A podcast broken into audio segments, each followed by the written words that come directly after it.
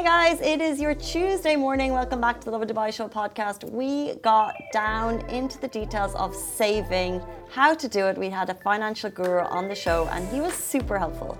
And speaking of saving, would you be spending $120 million on a Picasso painting in Dubai? See, after this conversation, I'm a little skeptical because before that, I was so willing to shell out. Before that, Simran was all in for this 120 mil painting.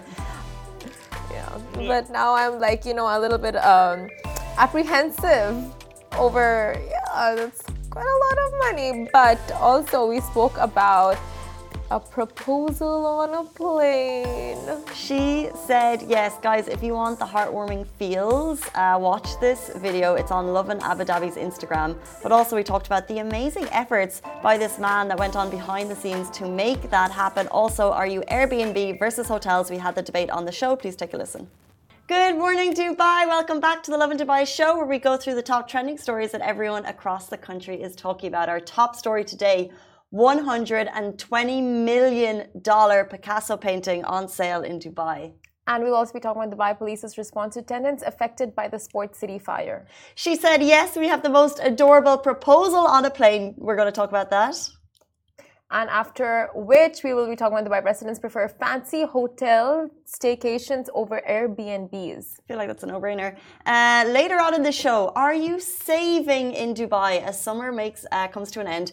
We're looking at starting all over, refreshing our finances, and this is the perfect time to get your finance in better form. How do you do that? We save. So we're going to get some tips on how to do that because I don't know about you, but I need some advice from Dubai finance guru Wali Khan. He's going to be with us at about 8:50. But before we get there, Mm-hmm. Casey, what is the question of the day? Well, it's more of like a an inward problem that I'm having, and I don't know if you guys will feel the same. That when I was growing up, mm-hmm. I love my mom dearly, but she would always make these comments, you know, like these little annoying things, like you know, she, like I grew up in Ireland, always on about a coat. Mm. Like, make sure you have a coat, and um, she was always about out at me, like, get out and do more you know, like why are you sitting watching TV all day? And like these little comments, they grate at you. And you know, she'd like question my dress. Like I was very, probably still am, like a, a scraggly dresser, and you know, all of these comments.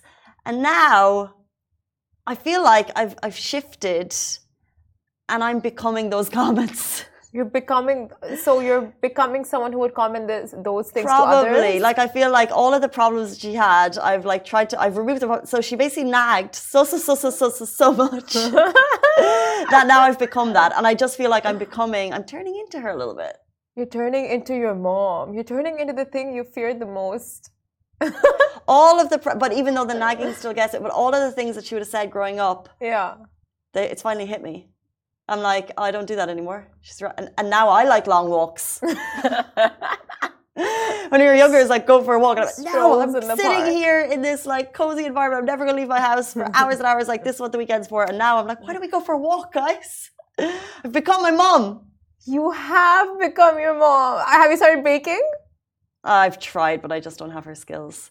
Is this a common thing though? And I've seen it in one of my friends as well. She used to have, she does have big gripes with her mom, but I can see she's also turning into her.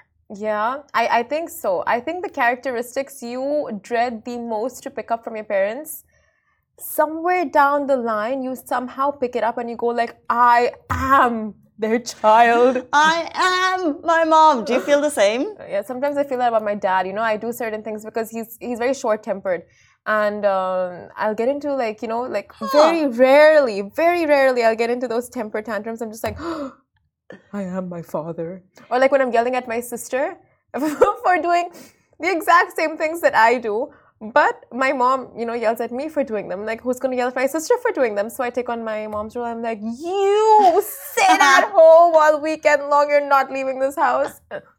I mean, who else is Call gonna do it, Simran? Oh.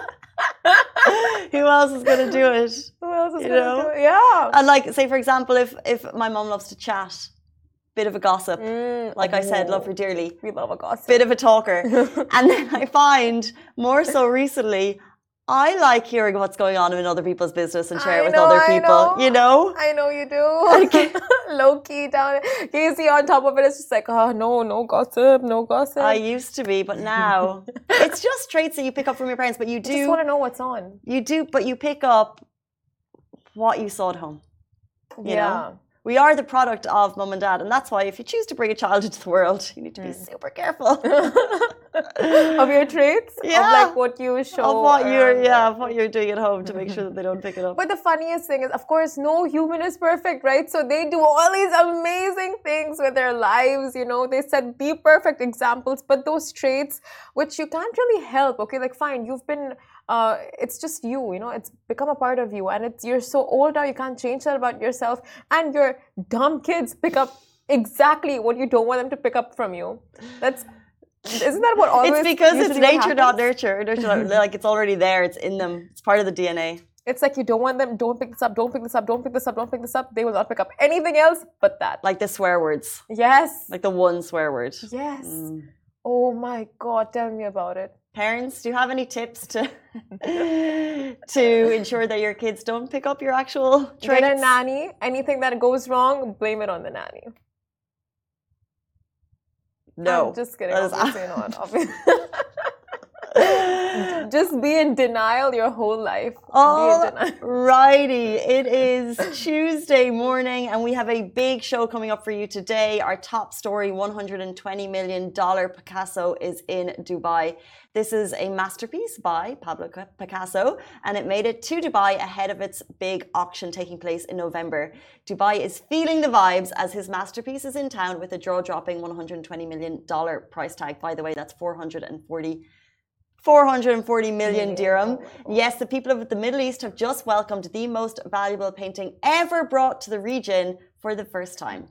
So Picasso's portrait of Marie Therese Walter is currently displayed at Sotheby's uh, Dubai in DIFC today and tomorrow. This masterpiece is making history and this moment marks its first solo exhibition outside the United States in over 50 years. So, if you're watching our full show, you can see the painting beside us. We did a little bit of a deep dive to better understand the painting and why it's worth so much money. The portrait is remarkable for including a watch, which is a rare theme in Picasso's work, found in just three of his pieces. It was uh, painted in 1932, a significant moment in his 30 year career, and their masterpiece will be sold at auction in New York in November. Will someone it's open to the public, Sotheby's DIFC today, tomorrow. Will someone who goes to view it today, tomorrow, be a bidder? Will it end up, will it find its home in the Middle East? I think 99.99999% definitive. Yes. 100%. 101%. It's come to the right place. Did I say 99.9% and then I said 101%? Yeah. But like for sure, it's like very, very much likely that it's going to find a home right here in Dubai. Mm, mm. People have such a knack for art here, and are like I've uh, heard of so many people like like collectors. They love collecting art and sculptures and just masterpieces. So it would really make a lot of sense if the bidder turned out to be sitting right here in Dubai, waiting for pieces like this to show up in the city, just for them to have it in their humble abode. Abroad. It could be you if you're watching. So it's going to start a tour, uh, a world tour to grab attention and eyeballs all around the world before finding its way back to New York where the auction will take place. Uh, we also wanted to know who Marie Therese Walter was because she is the star of the painting. The So she- muse. the muse. She was his muse back in the 30s, a beautiful model and athlete. She was, in fact, his mistress, one of many over the years, which we do not support. Men. Um, and a lot of questions about you know why the painting is so so so special, and it basically said supply and demand of that. Uh, uh, he has so few works going around, and he became very well known at the time, and it's just become you know one of the most expensive pieces uh, in the world. Whoa. Hmm. Uh-huh. I mean, I think it would have been even more expensive if he had done it on his wife. Uh, but he chose the mistress. How funny, but it's an interesting story. However, if there was one one artist's masterpiece you would like in your house, framed in your house, which artist, what piece of art would that be? Hmm, I don't know art that well, but honestly, Hmm. uh, I like like uh, you know there's actually sort of like a masterpiece Yeah. Will I just have the Mona Lisa because you're asking? Yeah, well, Or or like- the Starry Night, I think is the most iconic one anyway. Like to have the original one, right? yeah, it's so pretty. It's gorgeous. Or like, like imagine having that big canvas up on your ceiling as you look up. because that's actually pretty. Some art I just don't get. Like Mona Lisa, I think that'd be a little bit creepy. I'd take it because it's a lot of money and maybe I'd sell it later on, but a little bit creepy. I like like real like uh, wild modern art, like Mm. um, is it like Jeff Koons? He does those big dogs or something. Like imagine having that. Like it's colorful. It's super colorful in your home, and it's like it's fun. There's something this- to look at, something to talk about, some eye catching. There's some really cool artists in Dubai actually that do similar, uh, similar pieces. Oh yeah, we cool. have uh, Chris, Christine Bruch, uh, starts with B. We've had.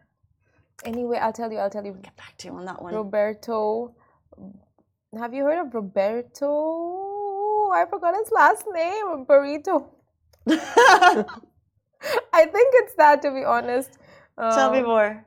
Yeah, it's called. His, his name is Romero Britto, Okay. and he does like these really cute paintings. I'm gonna show you. I'm gonna show you. This has gone off like completely. It's going to come up on the screen. Don't you worry. Very shortly. Ah, is he Dubai based? No, no.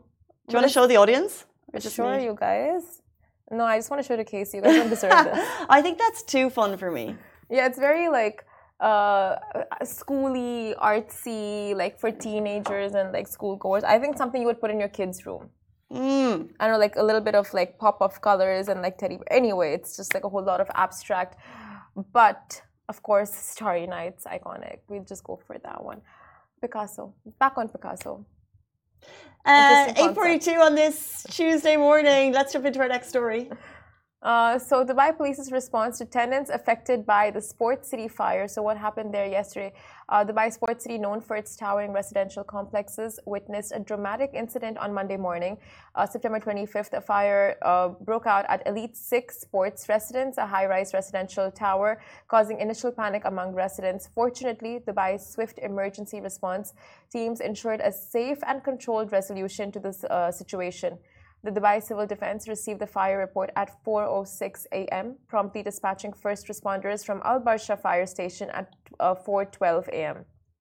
Additional support was swiftly called in from Dubai Investment, uh, Dubai Investment Fire Station and uh, the Jebel Ali Fire Station. The firefighters not only acted swiftly to evacuate residents, but also worked tirelessly to extinguish the blaze, classified as moderate. The fire was brought under control at 5:23 a.m., which is incredible, with complete extinguishment achieved by 6:38 a.m. There were no reported injuries during the incident. In a touching gesture of support and empathy, uh, Dubai's dedicated police force were seen providing comfort to affected tenants. They had uh, a truck on hand to, you know, supply coffee and water and just kind of like those basic necessities that people who were just in shock needed at the time. Exactly, and resident Daniela Barta, who experienced the ordeal, uh, recounted the event, stating, "At 4:10 a.m., the alarm sounded, and I initially hesitated, assuming it might be another false alarm. However, upon seeing fellow residents evacuating, I quickly joined them. Firefighters were already on the scene, and there was a brief explosion around 4:15 to 4:20 a.m., which they promptly contained. By 4:45 a.m., the situation was under control." The police and firefighters continuously reassured us and even offered water and coffee during this challenging time. This incident serves as a testament to Dubai's efficient emergency response systems, ensuring the safety and well being of its residents, even in the face of unexpected crisis. And just the fact that yesterday we saw the police. Um, you are so empathetic and sympathetic towards the residents and uh, getting all of these coffees and beverages arranged for them while they were in such panic mode because seeing that come of your house you have like a billion things running through your head and it's you know like that panic really sets in very deep. So for them to be there comforting them the whole while through is just amazing. So brilliant of the police force here. Yeah, it's really empathetic, and our thoughts and prayers will be with the people who are kind of uh, dealing with the shock and trauma of the aftermath um, with their, you know, their belongings, and um, and hopefully that they can get back into their homes sooner rather than later. Let's jump into our next story. She said, Yes, we have a proposal on a plane. What a better way to end a vacation than with a proposal. Uh, Omar Akawi proposed to Alina El Sabah, a Dubai based content creator, on a flight back from Abu Dhabi, uh, to Abu Dhabi from spending three days in Kyrgyzstan. In the video that's going viral, the captain of the flight announced on the speakers that Elena was requested to make her way over to the cockpit. However, in the aisle, Omar waited for her to pass before he got down on one knee in between the passengers seated uh, near the emergency exit. And the rest is history. She said, Yes, of course she did. It's cheering and, and everyone shouting in the in the aisles. Everyone was loving it. They had like cameras set up. Omar had obviously this whole thing planned, you know, like the cockpit visit and everything. Um, but it's just a massively sweet, heartwarming video to kickstart your day with if you want to see something special. Yeah, you know, times like this, you really hate sitting next to the window, like choosing the window seat because you can't see anything. Oh, you'd be up on your seat. You'd okay. be standing. Uh, fine. Times like this, you would hate to be the one that has slept through the whole thing. Have you, if you watch the video, there's so much cheering. I don't think you would. But my question is, this happened at the end of the holiday, mm. and I was speaking uh, to someone who got engaged over the summer, and you know the engagement happens in the middle of the holiday because yes. could, can you imagine? He had to have the the ring through their whole holiday. Yeah. Could you imagine how fright- frightening that must be? Very true. In case it got, you know, because you wouldn't leave Lost. it in the hotel. It couldn't yeah. go in the safe with the passports because she might find it. Yes. Couldn't go in your pocket. What if you, know, you never know what's going to happen? Yes. What if you're hiking? You can't bring it there. Yes. So he had the whole thing planned. So, Omar, fair play to you. Uh, what did you do with the ring for the whole holiday? So my friends got engaged when we were in Bali, and what one of my friends, who was the one engaging, he gave it to another friend of his, and he's like, "It's your responsibility." You keep it and give it to me exactly when I ask for it. And um, I mean, yeah, that was one uh, solution over there. It's a solution, but it's a risky one. you can't expect that person to guard it with your life like you would. Can we speak to uh, this guy? Was traumatized throughout the, the trip. trip yeah. yeah. Any men who've done proposing, what did you do with the ring prior? Especially if you're going on a holiday, because it can't be in your pocket. I believe they come in boxes, right? Yeah, like, yeah. where's the box going? I believe the come in Because you're thinking a small ring, right? Yeah, no, of course Are you thinking the box. There's probably going to be a box. Yeah, yeah, yeah. You're not gonna just leave a ring in your pocket. That's like the most careless thing for a yeah, person. but if to you do. put it then, but you could feel the box. The box, fine, fine, yeah. But I don't know. I don't know how guys do this. It's it's. Men, we need a Shahir, Ali K. Have you done any proposing that we're not aware of? AK's just like. Shahir just said not recently. it's a tricky one, so I just think interesting to do it at the end of the holiday. Mm. But how amazing! I think uh, whatever flight that they were on, shout out to the airline for uh, getting behind it. Let me just double check because you know obviously they had uh, the cockpit involved, they had you know an intercom situation, and everyone knew it was going to happen. So I think that's so amazing for people to get behind the story. Okay, what is your ideal way of proposing? If you were the one to propose, if I was going to propose, yeah. Oh wow, I was going to propose. Oh, you totally have to think about the person, right? Yeah, you have yeah. to think about what, the person would like. Yeah. So do you have okay? No. You you would totally cater it to. but do you have like an ideal proposal? Okay, fine. Do, do you We've have an ideal way to get proposed? You Yeah, we've spoken about this on the show, and you said you don't. and we're going to get you a marching band Mm. with like hundreds of people coming through, big cameras. Uh, making sure every single moment is photographed, and then for me, absolutely no one around, no photographer, no cameras, no nothing, just me in the your person. house in front of Netflix, right there. But had I been the one, I mean, I could be in the Maldives, you know, just, but I just mean like, you know, Intimate, no, yeah. just you guys, very personal and private. Yeah, had it been me in the airplane, I would have told the I would have told the captain just pretend there's a turbulence. I want to see if he puts the you know when those uh, air masks drop. Yeah. If he puts it on me first, I'm proposing. If he puts it on himself first, that's it. that guy There you go. that is love right there. That's how you figure it out. Absolutely. Let's jump into our next story Airbnbs versus hotels. What are your thoughts? So the Dubai residents prefer fancy hotel staycations over homely Airbnb picks. So, in a world where Airbnb is sweeping the globe, changing the way travelers experience their getaways, Dubai stands as an exception. While online studies suggest that Airbnbs are increasingly becoming the preferred choice for vacation accommodations worldwide, a surprising twist emerges in the heart of Dubai. Residents here still opt for the grandeur of hotels over trendy Airbnbs for their staycations. Now, we're talking about staycations here specifically and not like coming to Dubai for vacations. And online surveys uh, show that a whopping 60% of travelers who have tried both Airbnb and hotels prefer the former for their vacation lodgings. However, in Dubai, things play out a bit different, a bit differently because polls conducted by us reveal, by Lovin Dubai revealed that the majority of Dubai residents still lean towards the allure of all-inclusive fancy hotel staycations obviously? Are you like? I mean, just like the hotels in Dubai are like, like no other. Yeah. And if money wasn't an object, hotels. Stay in a hotel in Dubai. Oh yeah. Over anywhere else in the world. Uh, but then if I was going to like a London, I might do an Airbnb. Yeah. Yeah, uh, yeah, yeah. And one Lovin Dubai follower responded to this poll saying, definitely hotel, you can access the amenities. Uh, Dubai has the best hotels in the world anyway. So Dubai residents while having a taste for both worlds, seem to appreciate the expansive variety offered by hotels. Dubai is often associated with luxury, has a thriving hotel industry that caters to residents and tourists alike. It's not just about the accommodation, it's also about the experience it provides. So honestly, it's no wonder that even with the rise of Airbnb, Dubai's hotels remain the go-to choice for residents seeking an extraordinary staycation. The numbers are really a sentiment to show that while Airbnb may be changing the game globally, Dubai's hotel industry continues to pretty much thrive. And that is the sentiment that we have gotten across all of our surveys uh, that people do prefer hotels here over Airbnb staycations. But you go anywhere else in the world, a lot of uh, places, like for example in Europe, you prefer Airbnbs. If you go to uh, the US as well, you prefer Airbnbs over hotels. And I don't see, like, I mean, actually, if I think about it, I, I understand why in Dubai it's hotels.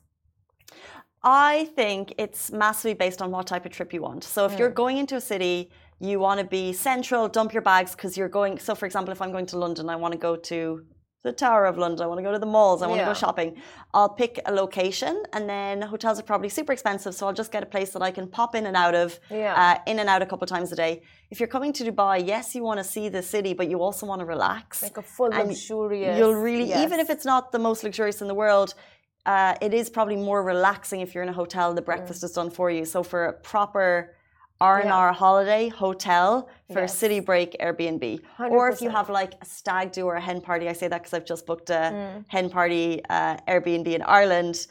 If you have a big group, you're going to do the Airbnb. Yes. Apologize later. you're going to do the Airbnb because it's uh, you can do a whole group thing rather than specific hotel rooms, depending on what type of but it totally depends on what, what your needs are. Very true. Very true. If you're not going to be inside a hotel or resort most of the time, then you might as well pick an Airbnb. And that too, like you said, if you're going for group outings and group vacations, group staycations, even like if you're in the city and you want to uh, book something out for your entire squad, then I think Airbnbs are more popular that way. And but, we do talk about the luxury hotels in Dubai a lot, but actually there's a thriving three, four star hotel market that's actually growing. So you can really stay in hotels for not as much money than you might think. Uh, there's so many options mm -hmm. located around the city. Uh, in like you know Rove hotels, the City Maxes, um, they're dotted in really convenient locations. So you can still get that kind of relaxing hotel vibe. Yeah. Amazing rooftop pools that you just probably wouldn't see in other countries, but you can have them here in Dubai for not that much money. Speaking of luxurious holidays and Airbnbs. Do you have questions for a finance expert? We certainly do. We're going to ask uh, about budgeting, saving, tips for investing with a finance guru who's going to be with us right after this very short break.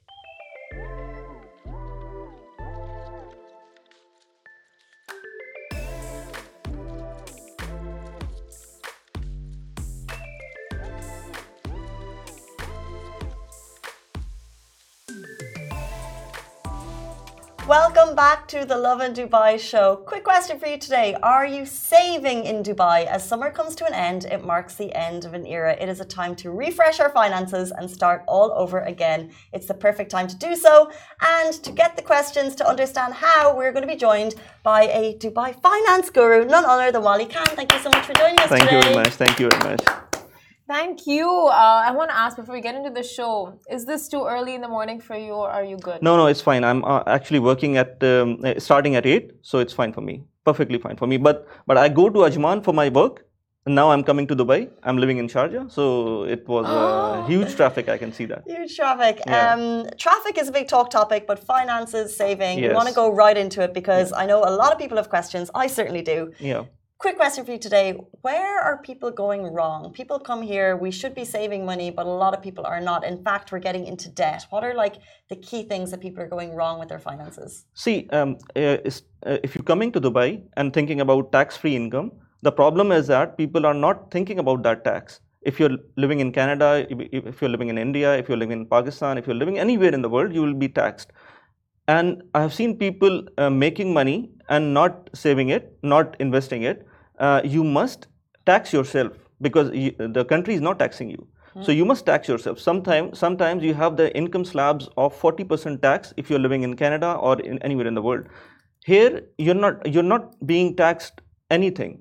Uh, people are saying you're getting indirect taxes, but there uh, in other countries you are already already uh, having that kind of tax, like parking tax, like toll tax, and these things. So taxing yourself is very important if you're stay, uh, living in the, Dubai. So whatever your tax, uh, you, whatever your salary slab is, just tax your, tax yourself. Think about it. If you're let's say um, uh, earning twenty thousand dirhams, and uh, in Canada you will be taxed at let's say 20%. I'm just uh, uh, Yeah. giving a ballpark number. 20% you just tax yourself. And then on top of that, those people in Canada also saving and investing. So so imagine for 20,000 dirhams, you have to tax yourself uh, to invest. And then on top of that, those people are investing and saving more. And um, they're investing in assets which are increasing in value as well.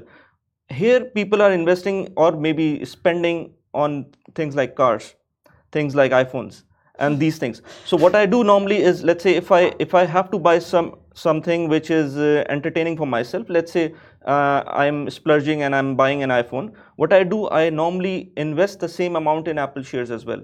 So i have to be uh, reluctant to buy an apple phone. Let's say if i'm buying for 5000 6000 dirham phone I'll be uh, I'll I have to see my finances that I have to spend six thousand dirhams on Apple phone uh, Apple shares as well. Okay, that's really interesting. But just to go back to tax yourself, because I think think that's really interesting. Is there a sweet spot in terms of how much we should be taxing ourselves? So depending on your salary, what percent should I be saving? So it depends on person to person, really. It, it is not uh, one size fit all.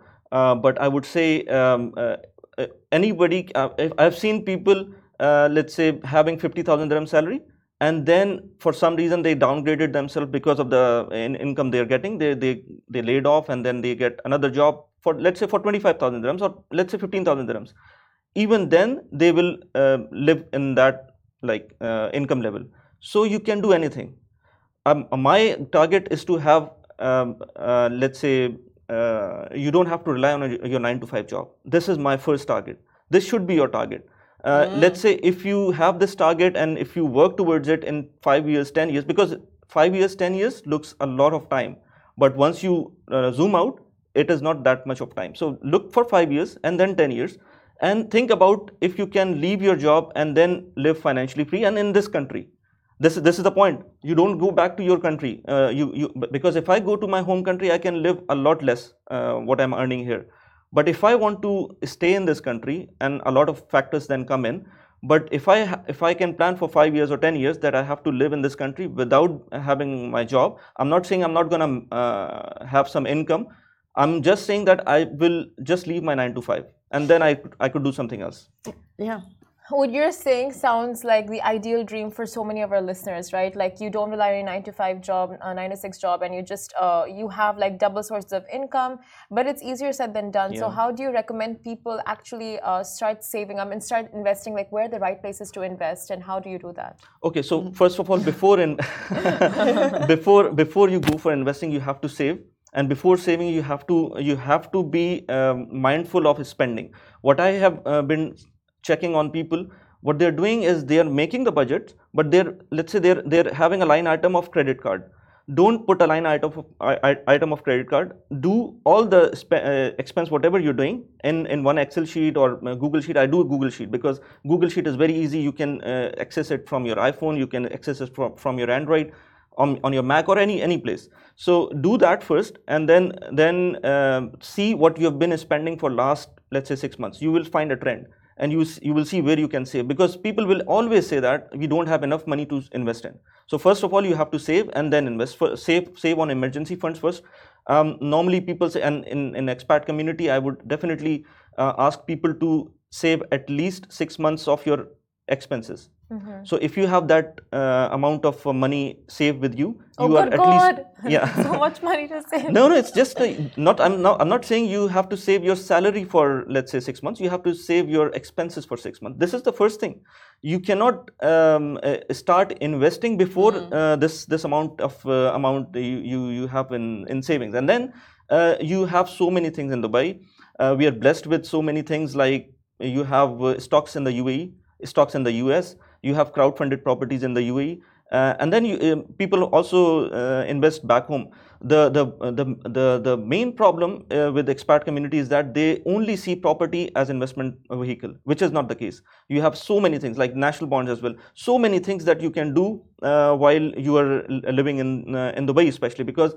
Uh, back home in I'm, I'm from Pakistan, so back home in Pakistan you don't get such kind of uh, options to invest. Even I know people in India they don't get they have taxes there you have 0% tax, you have 0% uh, capital gains tax. So if you buy, let's say, Apple share now, and if it gains double the price, you don't pay taxes to the government. So uh, make make the best use of it. You can still enjoy your life, and you can still um, uh, still make so much of money. And by the way, for for you to say that to start with, I would say make an emergency fund, start saving, and then invest in so many things like US stocks, UAE stocks, um, crowd-funded properties. You don't have to go invest all your money in one property in Dubai.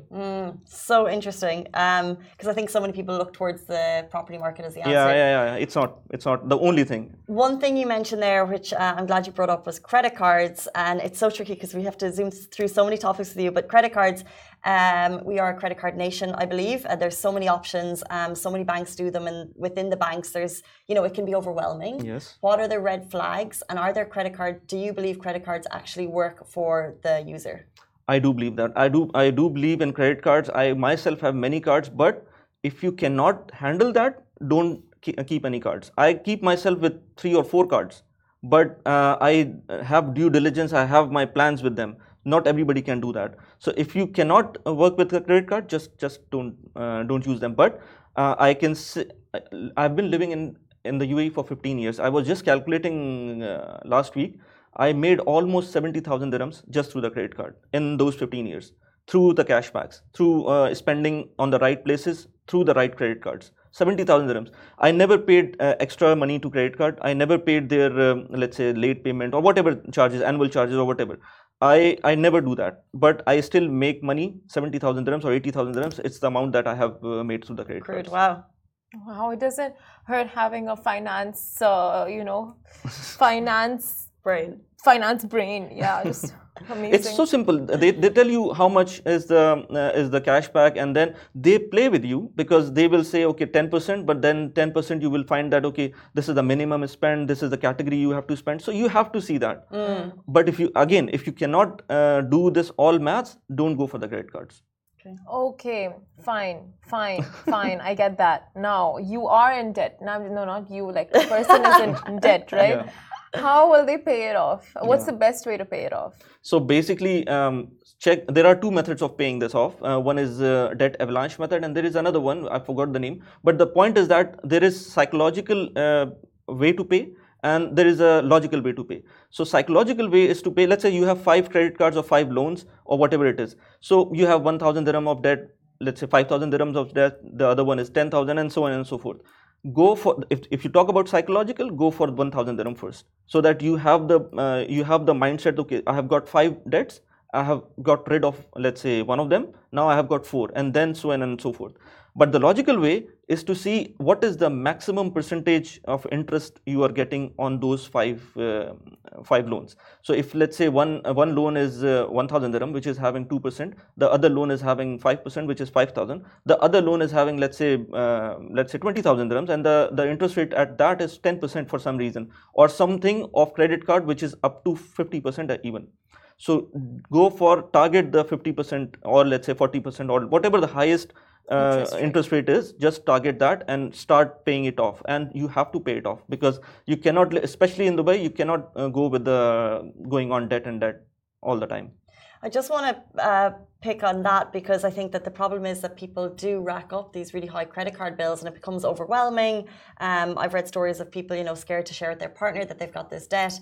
So, how do you tell someone to claw themselves out of this type of debt? You know, do they discuss it with a financial advisor? Do they consolidate all their loans together? What's your kind of key points there?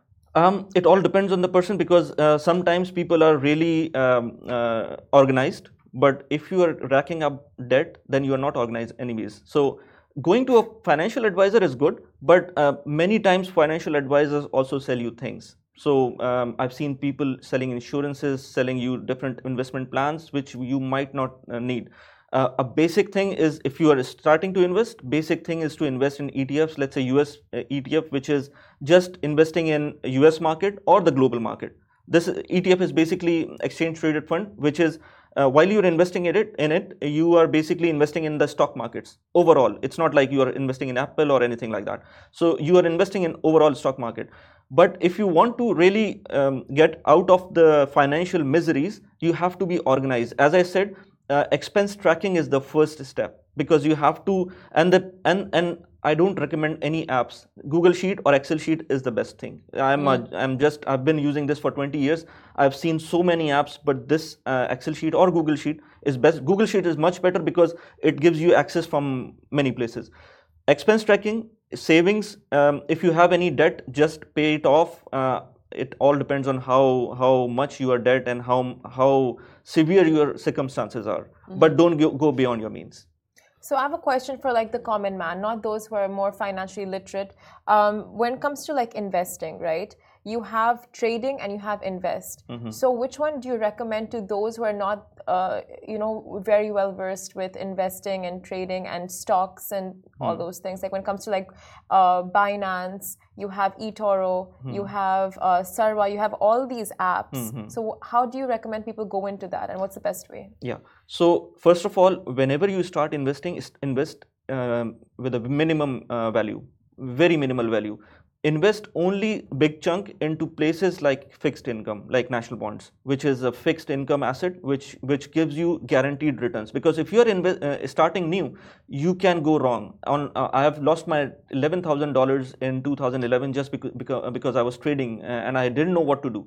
Because so many uh, myths will come once you start trading. So you have to avoid trading uh, um, day-to-day trading because if you are a professional or if you are working normal working class person, you don't have time to see the trends and how the charts are going, and you, you never have that. Actually, nobody has the uh, foresight to see where the stocks will go. So if you if somebody tells you that this stock will double the price in next five years, he's just um, uh, not not I, I won't use the word, but he's not uh, right. So um, Uh, don't go for trading. Start investing. In, the difference between investing and trading is that trading you do it on day to day basis or let's say week to week basis or day to day basis. I don't do that because i don't have time. You have to have enough time if you want to do trading. Investing is something i have some money which i don't need for next 10 years. I just put that in let's say one stock or the etf or anything like that and then i let it grow and i will because when i because you know there is a word called compounding which is uh, eighth wonder of the world as per einstein as well. So what it does is it grows your wealth compounded over the period of time. I don't have the numbers right now but if you uh, if you if you see those uh, videos and and the charts you your mind will blow up. Compounding not only grows your wealth it also is in in your uh, domain of your experience. So if you're in starting this year for for the investing invest slowly and gradually. Your experience will also compound. And then after five years you must you would be much better investor than like one uh, let's say five years back. So invest slowly uh, not, do not trade.